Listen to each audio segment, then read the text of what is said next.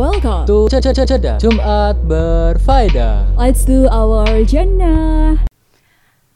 Assalamualaikum warahmatullahi wabarakatuh. Halo insan muda, kembali di Jeddah Best Moment. Road to Our Jannah Kali ini bakal ditemani oleh aku Ana dan so pasti kita sudah kedatangan tamu yang spesial nih yaitu Kak Rosita. Halo Kak. Halo Kak Ana. Halo, apa kabar? Alhamdulillah luar biasa. Allahu Akbar. Allah. Boleh disapa dulu nih Kak insan muda yang lagi nonton Jeda Best Moment episode kali ini. Halo teman-teman insan muda. Uh, semoga kita semua selalu diberkati oleh Allah Subhanahu wa taala. Amin. Nah, insan muda di jeda best moment kali ini kita akan membahas topik yang sangat menarik nih, yaitu memperingati satu Muharram 1445 Hijriah bersama tamu spesial kita pastinya yaitu Kak Rosita. Sebelum itu insan muda, kalian pasti yang belum tahu nih nanya-nanya siapa sih Kak Rosita ini? Oke, bakal aku bacakan ya CV-nya. Izin membaca CV-nya ya, Kak ya. Ya. Oke, silakan. Kak Rosita ini uh, bernama lengkap Nur Rosita yang berdomisili di Sidoarjo. Nah, beliau ini adalah seorang mahasiswa dan juga content creator. Selain itu, ternyata Kak Rosita ini merupakan uh, duta dari Fakultas Usuluddin dan Filsafat. Wah, keren. uh, yeah. Fakultas Usuluddinnya prodi apa nih, Kak?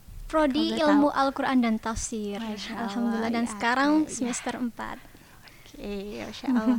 Wah, Masya Allah sekali ya narasumber kita kali ini. Selain itu, beliau itu juga seorang motivator nih.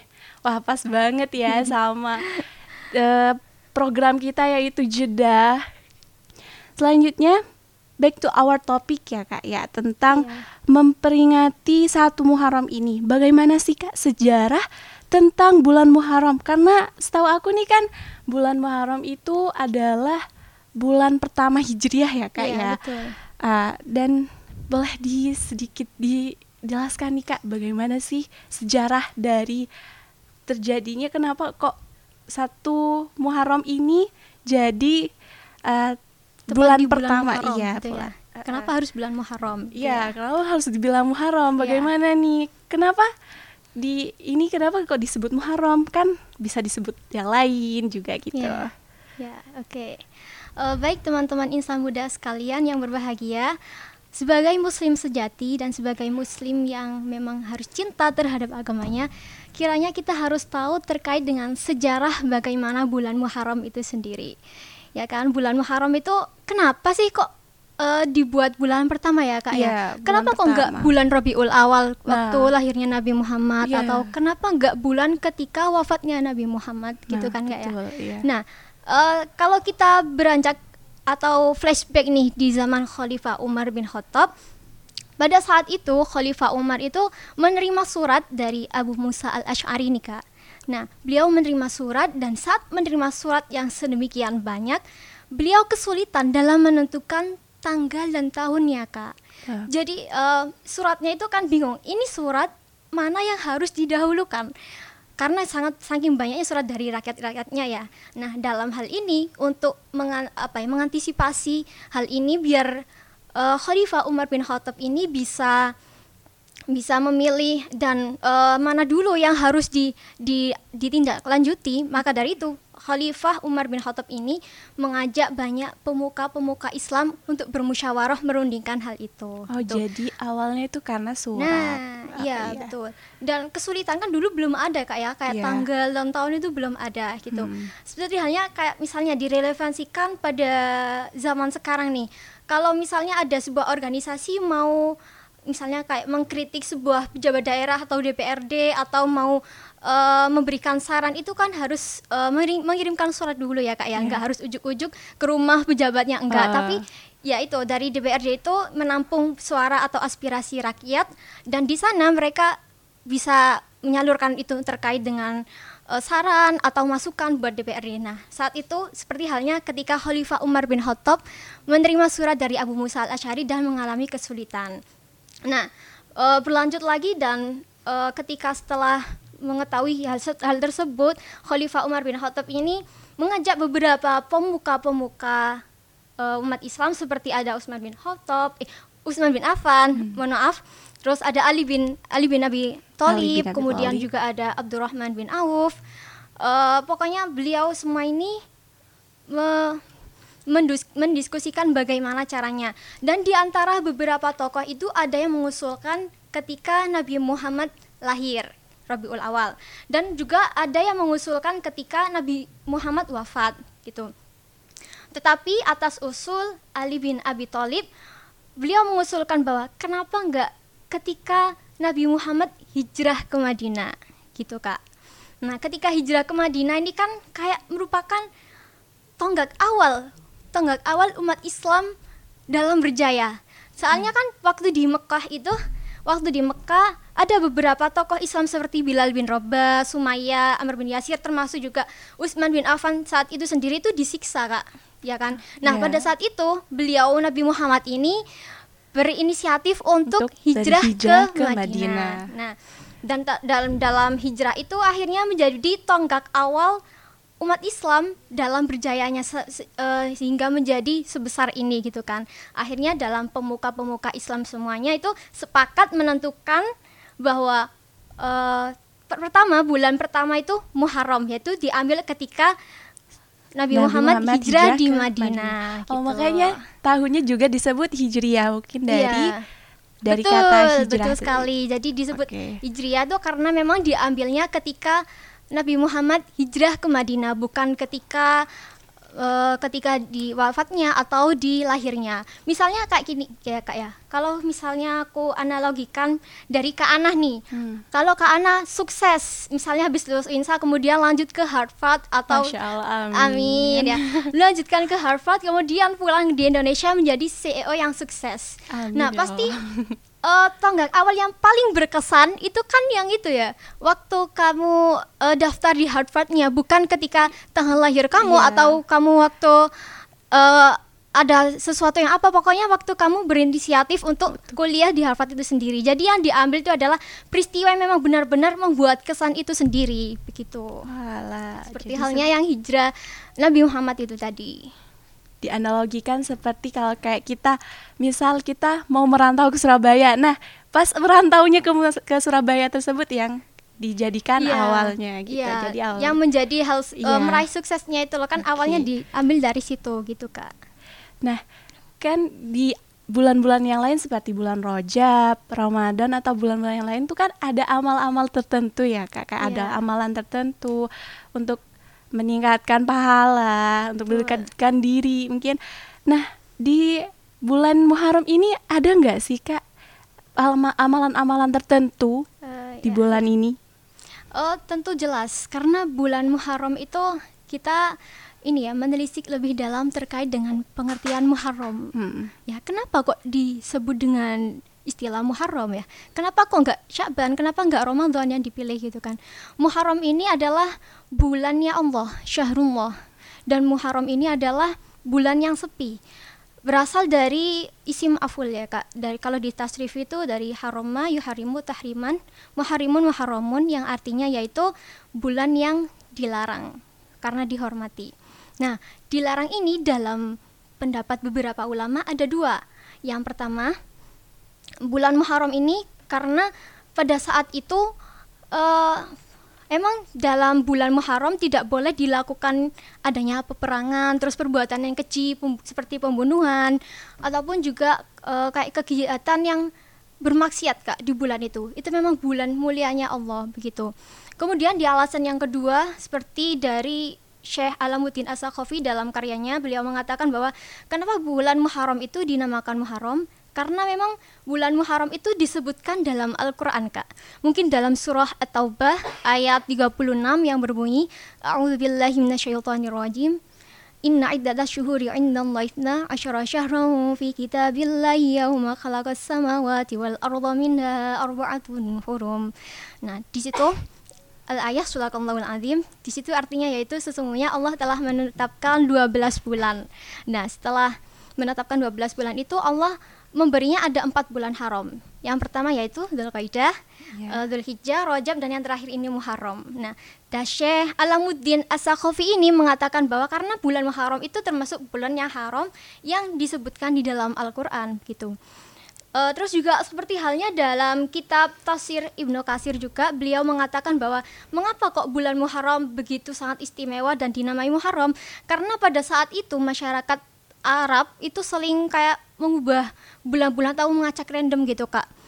Mengacak random ini ada bulan beberapa bulan atau tahun yang mengharamkan menghalalkan untuk uh, melaksanakan peperangan tapi di tahun berikutnya nah di tahun berikutnya ini otomatis kan kayak awal bulan atau awal itunya ya kak ya Yeah. itu mengharamkan maka dari itu dinamai dengan bulan Muharram begitu Oh, kak jadi Muharram maksudnya haram untuk berperang. ya gitu. pokoknya melakukan kan itu syahrullah bulan yang Iya. mulia ya Eh, kayak hal itu apa mengharamkan peperangan atau melakukan perbuatan keji ataupun melakukan perbuatan maksiat apa pun. Nah, berbicara mengenai amalan-amalannya ya Kak ya. Dan ini tadi kan saya bilang bahwa Muharram itu adalah bulan yang sangat mulia ya kan. Tentunya pahalanya juga sangat mulia dan sangat banyak Kak. Yang pertama yaitu eh, amalan-amalnya kita jangan lupa untuk me, untuk apa me- membaca doa akhir tahun dan awal, Awal tahun. tahun. itu harus kak ya Iya. karena setiap kita eh, membuka lembaran baru harapan kita pasti sangat ingin lebih baik ya kan daripada tahun sebelumnya bukan tambah malah lebih buruk maka dari itu harapannya yaitu dengan cara berdoa selain dengan selain dengan apa berusaha kita juga harus berikhtiar dan berdoa serta bertawakal kepada Allah. Dan dalam hal ini amalan yang pertama yaitu bisa membaca doa akhir tahun dan awal, Awal tahun. tahun. Kemudian untuk amalan yang kedua ini mungkin itu ya Kak, terlalu apa ya, sudah terlalu mainstream. Mungkin Kakak Ana juga sering banget tahu kan yang amalan tafaulan. Ya. Ya, tahu ya, Kak, ya? iya. Minum susu. Iya betul minum susu ya. Iya. Itu susunya nggak harus eh, putih. Pokoknya minum susu tapi itu kayak seperti Gak harus murni Iya, maksudnya ya. Kayak dianalogikan eh, Iya. semoga tahun, tahun depan ini, eh, eh, bisa lebih baik, lebih putih, terus juga lebih bermanfaat dan penuh kebaikan gitu. Seperti susu. Iya, seperti susu apalagi terutama yang putih. Biasanya Iya. memang putih ya, Kak Iya, ya. Saya putih. Ya, dan uh, amalan tafaulan ini merupakan ajaran dari guru besar Masjidil Haram dari Al-Alamah As-Sayyid Muhammad Alawi Al-Maliki begitu. Beliau Masya. memang uh, menganjurkan yang akhirnya banyak dituri, ditiru oleh masyarakat Indonesia dan jangan lupa berdoa ya teman-teman. Iya. Apa ya doanya? Ada yang ingat gak? Allahumma barik lana minhu Allah membarik lana fihi wazidna minhu. Ya Allah, berikanlah keberkahan dari apa yang kami minum dan berikan eh, dan tambahkan rizki padanya begitu. Ada jamnya tersendiri tak? Nah, Kakak? tentu Kak. Karena ini kan emang momen-momen yang sangat eh, apa ya? sangat penting lah. Namanya Ya. juga awal tahun ya dan harapan kita juga waktu itu juga dan waktunya itu sebe- setelah maghrib. Setelah maghrib itu kan awal masuk Islam ya. Kalau Masehi kan mungkin jam 12 malam, tapi Oh, iya. kalau Islam di kalender Hijriah itu maghrib. waktu Karena maghrib. itu kan dihitung dari rotasi bulan ya. Betul, betul sekali. Berbeda dengan rotasi Dengan- matahari. iya. Nah, itu dari waktunya dari sebelum eh setelah maghrib sampai sebelum subuh kak biasanya gitu. Seperti itu ya. Ya, terus untuk amalan yang ketiga ini kita bisa berpuasa nih kak.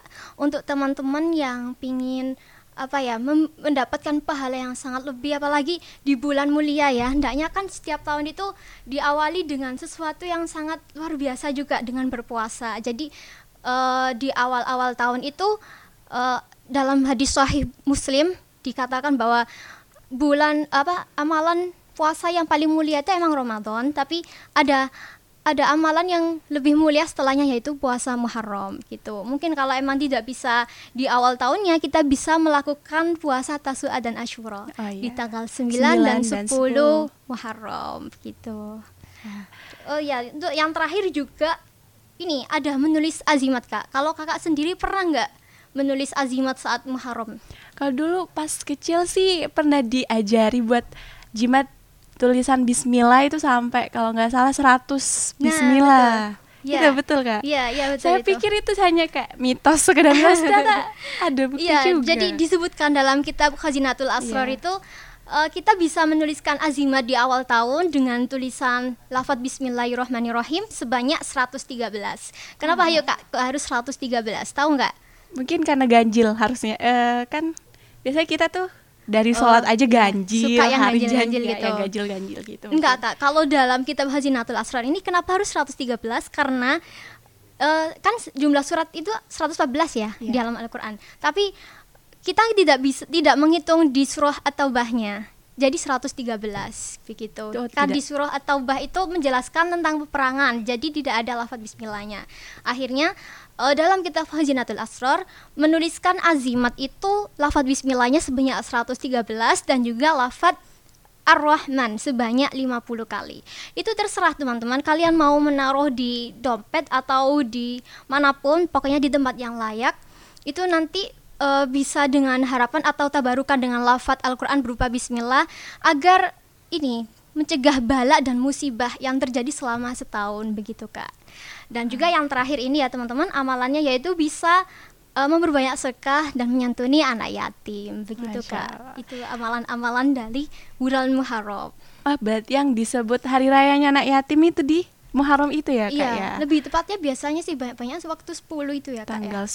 10. iya tanggal Oke. 10 Nah, bisa dicatat nih teman-teman insan muda dari mulai eh, amalan-amalan di bulan Muharram yaitu dari mulai doa awal dan eh, akhir tahun, puasa, menulis azimat bahkan seperti yang dicontohkan dari imam besar Masjidil Haram yaitu minum susu ya, Ya, Kak ya. tafaulan. Iya, Oke. itu Nah, so- gampang banget sih kak ya Mm-mm. kita kan ya ya enak juga gampang lah sangat mudah sekali kalau nggak diamalkan kan ya eman ya Dan menurut Kak Rosita sendiri, ini hikmah seperti apa sih yang bisa diambil dari eh, peristiwa bulan Muharram ini untuk diterapkan di zaman modern seperti saat ini di generasi Z yang pastinya. Oke, kalau hijrah dalam generasi sekarang itu memiliki banyak arti ya kak. Kalau hijrah menurut Kak Ana sendiri gimana? Dari yang buruk menjadi baik. Nah betul. Nah tapi ini ada satu hal penting namanya juga hijrah ya teman-teman. Kita bisa ada dua makna yang bisa kita ambil dari peristiwa penetapan bulan Muharram ini. Yang pertama yaitu hijrah makani. Hijrah makani itu seperti halnya ketika Nabi Muhammad SAW berpindah dari Mekah ke Madinah. Ini menunjukkan bahwa ghirah atau euforia Nabi Muhammad itu sangat luar biasa. Walaupun keadaan penduduk Mekah yang sangat keji apa kafir Quraisy yang sangat keji dan menyiksa kaum Islam seperti itu, beliau tanpa kenal putus asa bahkan down, bahkan beliau selalu apa, berusaha untuk yang terbaik.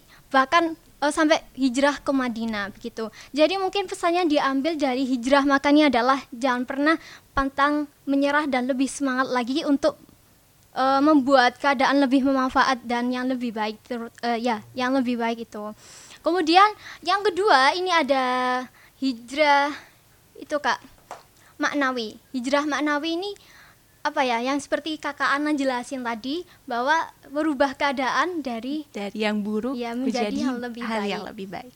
Nah, setiap tahun kita kan selalu upgrade ya, ya. Bukan berarti eh, kita hanya berubah angkanya dan kalian dari 1444 menjadi 1445 enggak, tapi eh, harus ada introspeksi atau muhasabah diri bahwa sebenarnya tahun kemarin itu apa sih kekuranganku, apa sih peristiwa yang bisa diambil untuk bisa dijadikan hikmah dan pedoman di tahun berikutnya, begitu kak. Mungkin hikmah yang bisa diambil dari peristiwa Muharram cukup itu aja. Jadi ada hikmah makani dan juga hijrah makani dan hijrah Maknawi. begitu.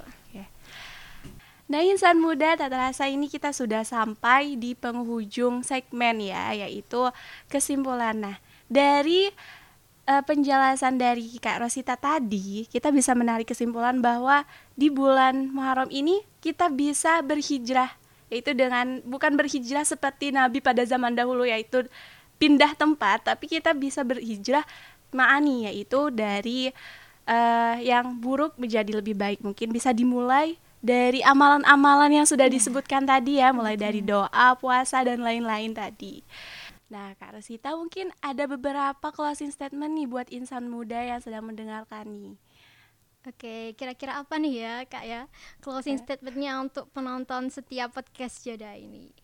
Oke, um, untuk para insan muda sekalian dan para penonton setia podcast Jeddah, uh, sebagai umat Islam yang baik dan kita tahu kan dan kita ingat bahwa tahun perubahan setiap angka pada tahun Hijriah, baik tahun Hijriah atau tahun Masehi, itu hanya bukan sekedar perubahan angka saja. Bukan berarti kita hanya senantiasa santai-santai atau loyo-loyo atau stuck di situ aja, tetapi uh, dalam setiap tahun baru ini kita seperti halnya membuka lembaran yang baru. Ya kan? Ketika kita akan menutup dan membuka lembaran yang baru, hendaknya kita senantiasa mengintrospeksi diri terkait dengan kelebihan dan kekurangan agar lembaran baru kita ini bisa menjadi lebih lebih menarik dan lebih baik dari lembaran sebelumnya begitu. Dan juga jangan lupa bahwa tahun baru adalah semangat baru. Hidupmu adalah bukumu, maka jadilah penulis skenario yang terbaik dan terkesan dalam bukumu. Uh, Oke okay, insan muda, kian jeda best moment pada episode kali ini. Jangan lupa like, comment, and subscribe channel Sufada Radio. Sufada Radio for Young Muslim Generation. Wassalamualaikum warahmatullahi wabarakatuh.